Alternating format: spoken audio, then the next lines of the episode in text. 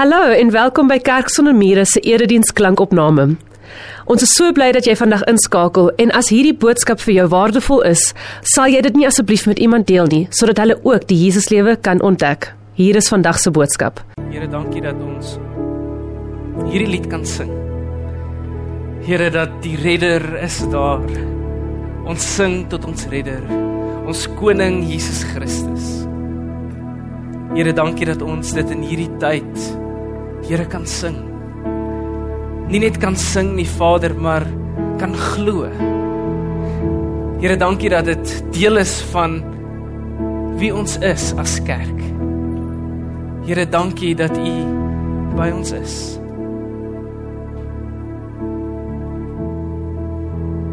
Here, dankie dat ons hier na U woord kan luister vanoggend. Here ons wil net vir U al die eer gee. Here want dit kom dit regtig na U toe. Here dankie dat U ons koning is. Here en soms is dit vir ons moeilik om hier dit aan te hou glo. Here maar dit is tye soos hierdie waar ons herinner word Here aan dit wat U gedoen het en nog steeds doen. Here, dankie. Ons loof U en ons prys U in die naam van Jesus Christus. Amen. Ek wil net ek wil net baie dankie sê en ry vir jou en jou span. Julle maak dit ongelooflik mooi vir ons om in hierdie tyd ook Kersliedere te sing. Ek weet nie soos dit een of twee mense wat ehm um, lanklaas in die kerk was wat nie die saam met ons die Kerssangdiens kon uh, bywoon nie en gister toe sê so 'n persoon vir my, ons kan maar heeldag sing. so ons gaan die heeldag sing, maar dankie dat julle vir ons dit moontlik maak en ry dat ons ehm um, nog van daai Kersliedere kan sing. Het jy al ooit gewonder of Jesus regtig die een is? Het jy al ooit gewonder of Christendom waar is. Het jy al ooit gewonder of ons nie dalk die pot mis het nie? Of ons dalk die regte godsdiens beet het? Jesus is u regtig die een? Is al hierdie goed wat ek doen, al hierdie goed wat ek gedoen het, hierdie kerk toe kom, opoffering, vroeg opstaan, my kinders probeer stilhou, my geld gee, vir mense omgee, emmers gaan uitdeel, is dit regtig die moeite werd? Is daar dalk van julle vanoggend wat hierso sit en dit gewonder het? Jy hoef nie jou hand op te steek nie. Gaan jy nie oor die kop slaan nie. Maar is daar dalk van julle vanoggend wat al gewonder het Jesus is u regtig die een? Wel as jy dit al ooit gewonder het, is jy beslis nie alleen nie. En vandag wil ek graag met julle 'n stukkie van iemand in die Bybel deel van iemand in die Bybel wat presies getwyfel het, presies dit gevoel het, getwyfel het en die vraag gevra het: Jesus, is U regtig die een?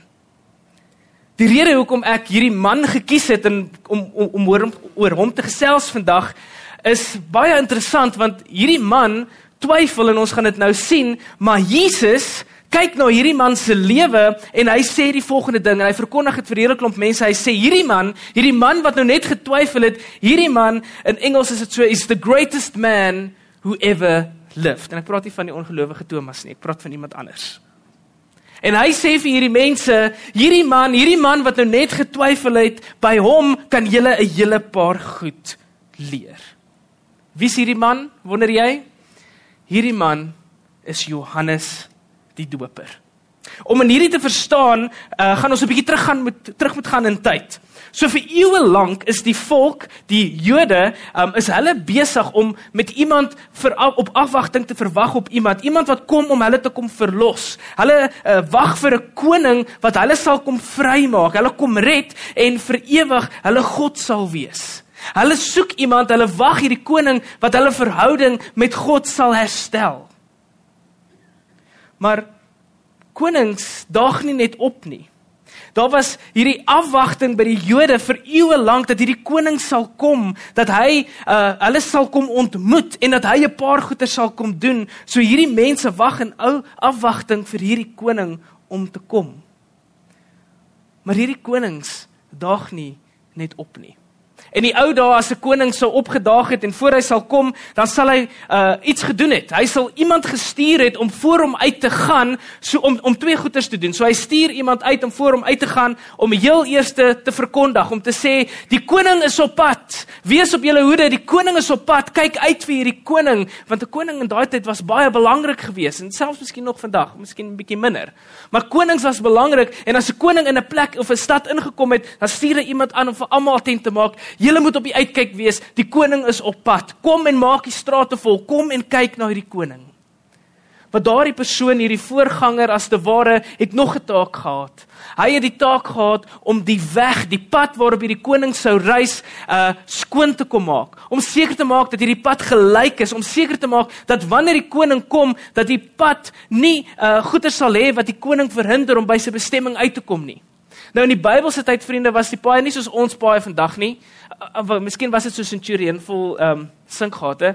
Maar die ding is as iets in die pad geval het en daar was klomp klippe in die pad gewees of daar was 'n sinkgat, dan moes hierdie ou kom om dit gereik te maak om gelyk te maak want die koning mag net nie laat wees nie. Niks mag die koning verhinder om by sy mense uit te kom nie. God stuur so 'n aankondiger. God stuur 'n aankondiger vir die koning van alle konings wat op pad is.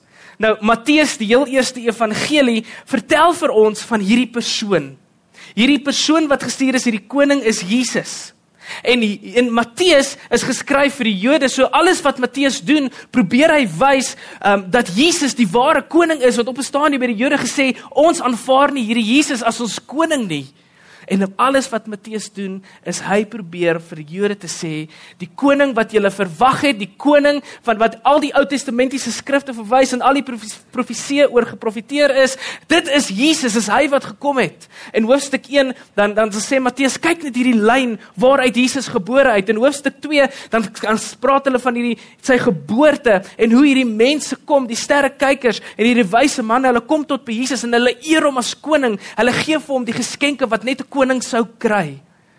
En dan in hoofstuk 3, dan begin hy verkondig of hy begin skryf van hierdie man, hierdie voorganger, die een wat sê hierdie Jesus op is op pad. En hierdie man, Johannes die Doper, moes kom om die pad gelyk te maak vir hierdie Jesus wat kom, hierdie koning wat kom. Nou Johannes die Doper vriende het nie 'n pad kom bou nie. Hy het nie 'n fisiese pad kom bou nie. Sy doel was om die pad na mense se harte gereed te maak sodat wanneer die koning sou kom dat hulle hom sou aanvaar. Maar Jesus praat oor hierdie ou. En op 'n stadium begin hierdie man twyfel. En dan verwys Jesus na hierdie man. Hierdie een, hierdie voorganger wat die pad vir hom gelyk gemaak het as the greatest man who ever lived. En ek vra myself die vraag wanneer ek na hierdie teks kyk en en eintlik na hierdie hele verhaal van Johannes die Doper kyk, ons praat eintlik baie min oor hom. Um dan vra ek my vraag, hoekom en wat het hierdie man so groot gemaak? Wat het hom so noemenswaardig gemaak? En miskien vra jy dit ook. Nou, ek dink voordat ons begin om om om te kyk wat vir Johannes die Doper so groot gemaak het, moet ons miskien die vraag vra, wat sal ons dink? Wat is die kriteria wat ons sal gebruik van iemand wat van aansien is? Iemand wat belangrik is? Nou, ek het so 'n bietjie gaan dink en ek dink as ek sou moet sê dat as ek na iemand moet kyk en ek dink, "Wow, daardie ou is is is belangrik." Dan sal ek dink dit is iemand wat miskien uit 'n koninklike familie of 'n invloedryke familie uitgebore is. Jy nou dalk die seun of dogter van van iemand belangrik of iemand bekend. Jy nou, ooh, hoe sou dit net gewees het as ek kan uitstap en kan sê ek is Bill Gates se seun nie. Dink net hoe gaan die mense my dan volg? Of miskien uh is ek soos Bill Gates. Iemand wat baie geld het. Iets wat ek kan koop net wat ek wil koop. Miskien is dit die definisie van iemand wat invloedryk is. Waar ek kom, kan ek net vir mense gee wat hulle nodig het. Of dalk sal my kriteria wees uh, vir iemand wat baie invloedryk is, is iemand wat baie intellektueel gevorderd is. Dalk iemand met 'n string grade agter hulle naam. Hallo dokter, dokter, dokter professor. Miskien is ek iemand wat by 'n universiteit kan teach. Dink net hoe die mense dan van my gaan dink. Kyk net die invloed wat ek kan hê. Of dalk sal ek sê iemand wat groot sukses bereik het. Iemand wat 'n legende agterlaat. Iets wat mense kan onthou. Maar vriende, wanneer ek na Johannes die Doper kyk en ek lees sy verhaal, dan is ek so bietjie confused. As ek kyk na Johannes die Doper, dan is hy nie een van hierdie goed nie. Hy's in 'n familie ingebore wat nie invloedryk was nie. Sy ma was onvrugbaar. Hulle was oud. Hy het niks gehad nie. Hy was arm. Hy het kameelhare gedra as soos 'n overall. Kameelhare gedra altyd sodat hy dit hoef te was nie. Hy het nie 'n klomp stylvol klere gehad nie. Hy het sprinkane geëet. Hy het nie gesê nee, gee vir my net die beste steak nie. Hy het nie gaan studeer nie. Hy het nie 'n universiteit of 'n skool begin nie. En hy het nie regtig sukses behaal nie. So wat het Johannes die Doper so groot gemaak? In Matteus 3 help ons en ek gaan dit nou lees nie, ek gaan vir ons in Matteus uh, 11 lees. As jy lees in Matteus 3 dan dan sien jy ses goed. En ek gaan dit net vir julle noem. Wat het Johannes die Doper groot gemaak? Hy was gehoorsaam aan sy roeping. Van die begin af het hy geweet hy is geroep om iets te doen en hy het daarbey gebly, getrou daarbey gebly. Die tweede ding wat het hom groot gemaak, hy was ekskuus, eh, hy was vervul met die Heilige Gees. Jy sien dis die Heilige Gees wat dit doen. Hy was vervul met die Heilige Gees en selfs toe hy nog in sy moeder se skoot was, toe hy van Jesus gehoor het of toe hulle van Jesus gehoor het, dan maak hy bolle makiesie in sy ma, sy ma se maag. Hy was van die begin af gevul met die Heilige Gees. Hy het selfbeheersing gehad. As jy lees daar in Matteus 3 dan sê hy het nie wyn of bier gedrink nie. Hy het gesê gaan wegbly van hierdie goed af. Ek het selfbeheersing gehad. Hy was nederig. Hy het nie probeer shine vang nie. Hy het in die woestyn gaan bly en dis waar hy vir die Here ontmoet het. Die vyfde ding, hy het God se woord verkondig. As jy lees daarso in vers 5 en dan sê dit en baie mense het na hom toe gekom om te hoor. So wanneer ek na my definisie kyk, my kriteria kyk van wat maak 'n suksesvolle mens of 'n noemenswaardige persoon en wanneer ek kyk na Jesus se definisie van iemand wat 'n uh, 'n great the greatest man who ever lived, dan sien ek dat hieso is twee verskillende goedes. God definieer greatness anders as wat ons dit sou doen. Dit is half hierdie paradoks wat ons regoor sien waar Jesus van praat, hy wat groot is sal klein wees. Hy wat eerste is sal laaste wees en ons sien dit regoor. Johannes die Doper was hierdie man wat voor die koning uitgestuur is om die pad vir Jesus voor te berei. Hy het sy roeping verstaan om vir mense of of mense na Christus toe te wys. En op 'n stadium het hy klomp volgelinge en sy disippels kom, hulle kom na Jesus toe en sy disippels kom vra vir Johannes die Doper, Johannes, wie moet ons nou volg? Moet ons vir jou volg? Of moet ons vir Jesus volg? En dan sê hy volg vir Jesus want ek moet minder word en hy moet meer word. Johannes die doper was great want sy identiteit was nie in homself nie maar in die koning wie hy verkondig. So dis die agtergrond. En op 'n stadium dan begin dinge draai Daar is gemengde ontvangs of 'n gemengde ontvangs van die koninkryk. En daar is baie teenstand van hierdie Joodse volk. Jy weet en dit manifesteer in die feit of die dat hulle aanstoot neem dat Jesus die tollenaars en die sondaars bedien. Die feit dat Jesus 'n klomp wonderwerke doen en stede kom nog nie tot bekering nie.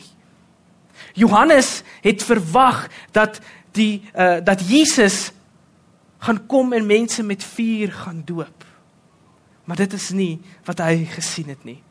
En om dit alles te kroon, dan word Johannes die Doper gevang en in die tronk gegooi net omdat hy hierdie boodskap verkondig. Niks werk uit vir hierdie man nie. Niks wat hy verwag het werk uit nie. En dit bring ons dan op die punt waar Johannes die Doper ook in Jesus begin twyfel. As jy jou Bybel hierso het, maak oop in Matteus En ek lees vanaf vers 2. Matteus hoofstuk 11 vanaf vers 2.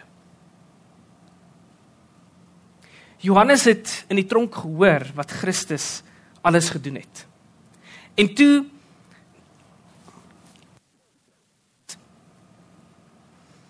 Johannes het in die tronk gehoor wat Christus alles gedoen het en het toe deur sy volgelinge 'n boodskap aan hom gestuur om te vra.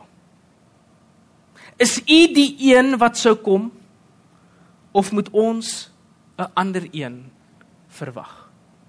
Is u die een wat sou kom of moet ons 'n ander een verwag? Jesus antwoord hulle: "Gaan vertel vir Johannes wat julle hoor en sien. Blindes sien, lammes loop, melaats word gereinig, dowes hoor, dooies word opgewek en aan armes word die evangelie verkondig. En gelukkig is elkeen wat nie aan my begin twyfel nie. Toe hulle weggegaan, toe of toe hulle weggaan het Jesus met die mense oor Johannes begin praat en gesê: "Waarna het julle in die woestyn gaan kyk? Na 'n riet wat deur die wind heen en weer gewaai word? Nee, Maar wat het julle daar het julle dan uitgegaan om te sien? 'n Man met deftige klere aan? Nee. Kyk, die wat deftig aantrek kry 'n mens in koninklike paleise. Maar wat het julle dan uitgegaan om te sien? 'n Profeet. Ja, ek verseker julle, nog meer as 'n profeet, dit is hy van wie daar geskrywe staan: "Kyk, ek stuur my boodskapper voor jou uit. Hy sal die pad vir jou regmaak." Dit verseker ek julle, onder die mense op aarde is niemand gebore wat groter is as Johannes die Doper nie, en tog is die geringste in die koninkryk van die hemel groter as hy. Sedert die dae van Johannes die Doper tot nou toe breek die koninkryk van die hemel vir homself 'n pad oop. En mense wat hulle kragtig inspann, kry dit in besit.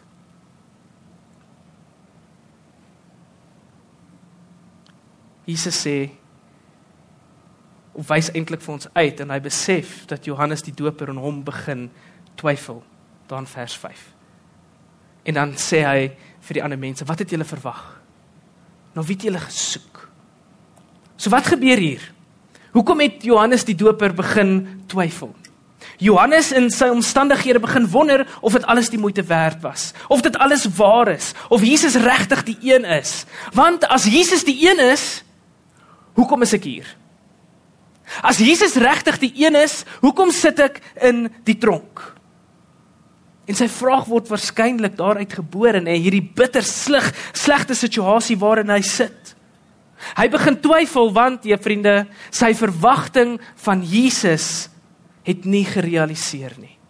Sy twyfel is gegrond in sy verwagting of die match, die mismatch eerder van sy verwagting. En dit maak maak sin wanneer ons na Jesus se oorspronklike verwagting rondom die Messias in gedagte hou, nê. Nee. Johannes het in Matteus 3 vers 11 tot 12 dan het hy reeds hierdie indruk gelaat dat die koms van die Messias met oordeel en geregtigheid gepaard sal gaan. So in Johannes die Doper se kop is hierdie koning wat kom nie net 'n koning nie, hy gaan met vuur kom en hy gaan mense 'n naam toe bekeer en hy gaan amper met 'n met 'n met 'n iron fist, jy weet, regeer oor mense en hy het hierdie verwagting, hierdie gewagting dat hy gaan oordeel en hy gaan geregtig wees. Maar dan sit Johannes die Doper in die tronk en sy verwagting van geregtigheid en oordeel is dat hy nie daar moet wees nie.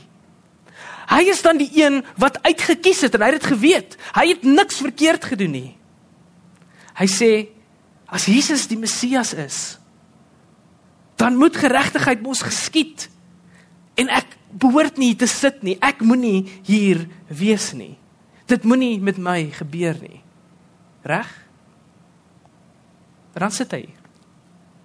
En in die geheim het Johannes dalk gehoop dat Jesus hom sou vrylaat uit hierdie gevangenis. Dalk stuur Johannes juis sy disippels om Jesus te herinner dat hy agter slot en grendel sit. Dalk rig Johannes hierdie petisie. Jesus, onthou wie U is. Kom en bevry my. Ek dink baie keer is ons verwagting van Jesus een ding En dan word ons teleurgestel wanneer dit nie gebeur nie. En dit is dan wanneer ons begin twyfel.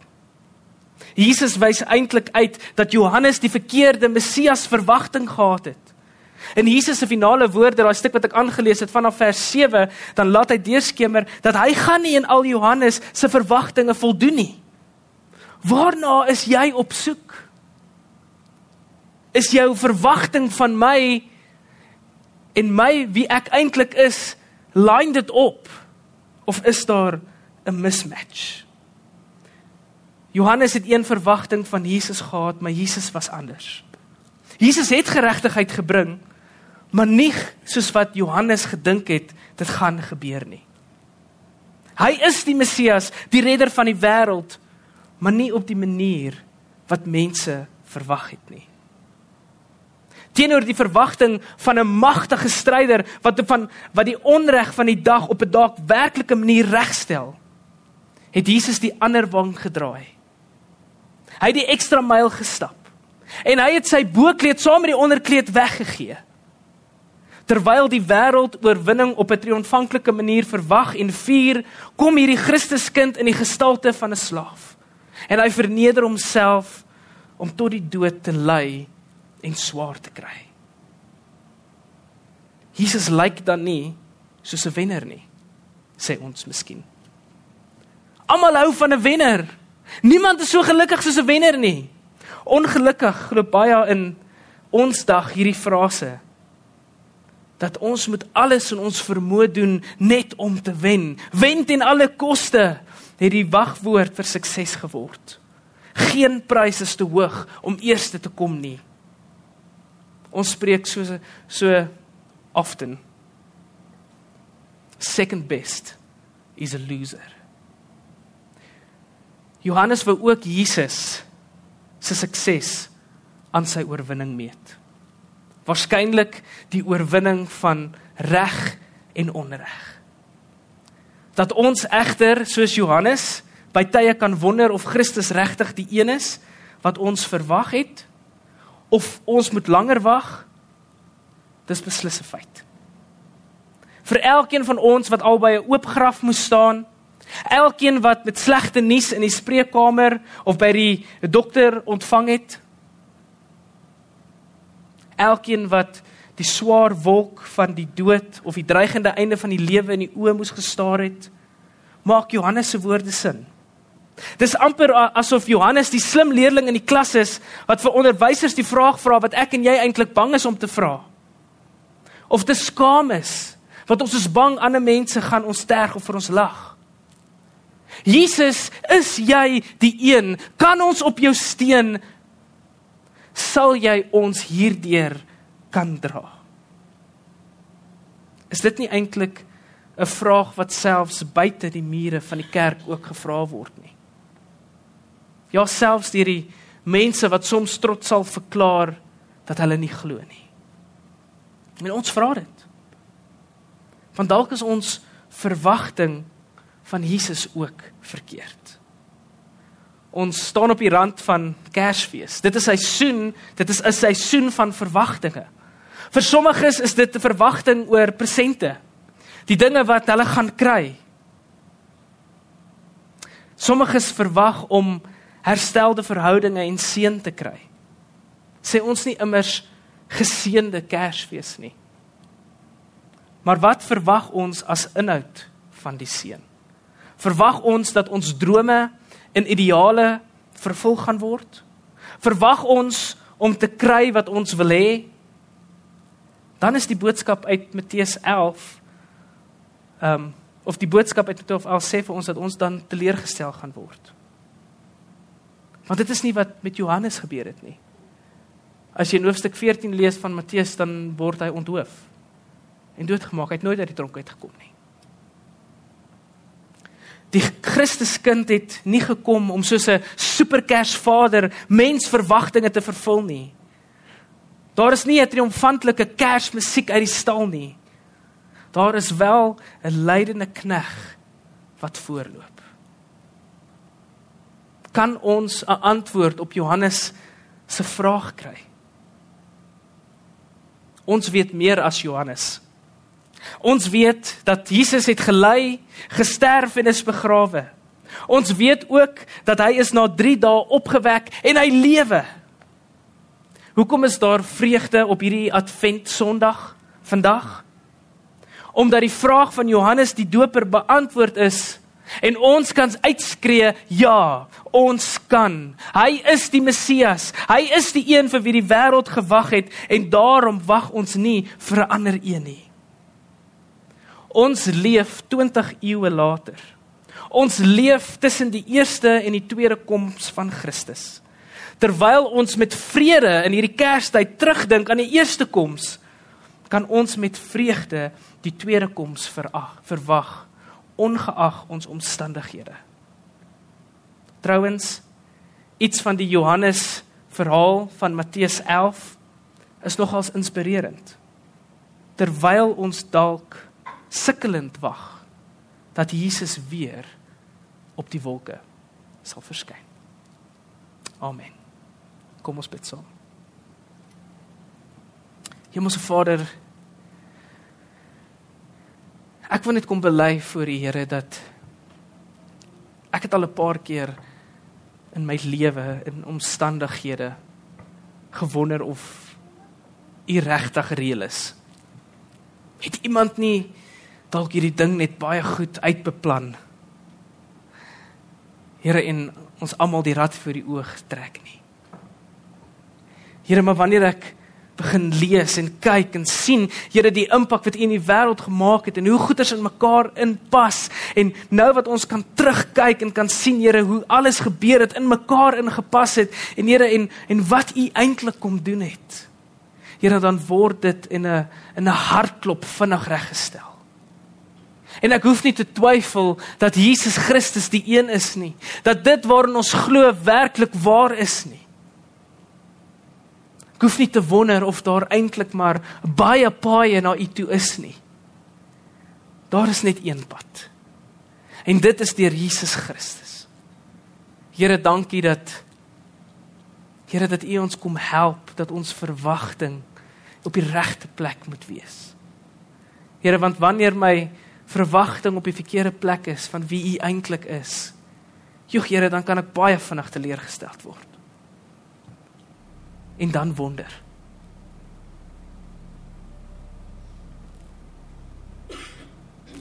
Here mag ons in hierdie dag ingaan en hierdie week ingaan en iets van dit wat ons beleef het en het met mense deel.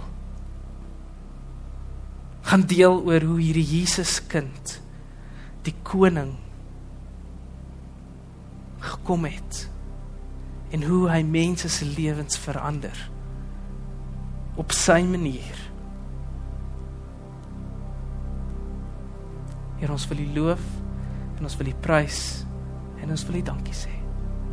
Ons bid dit in die naam van Jesus Christus. Amen.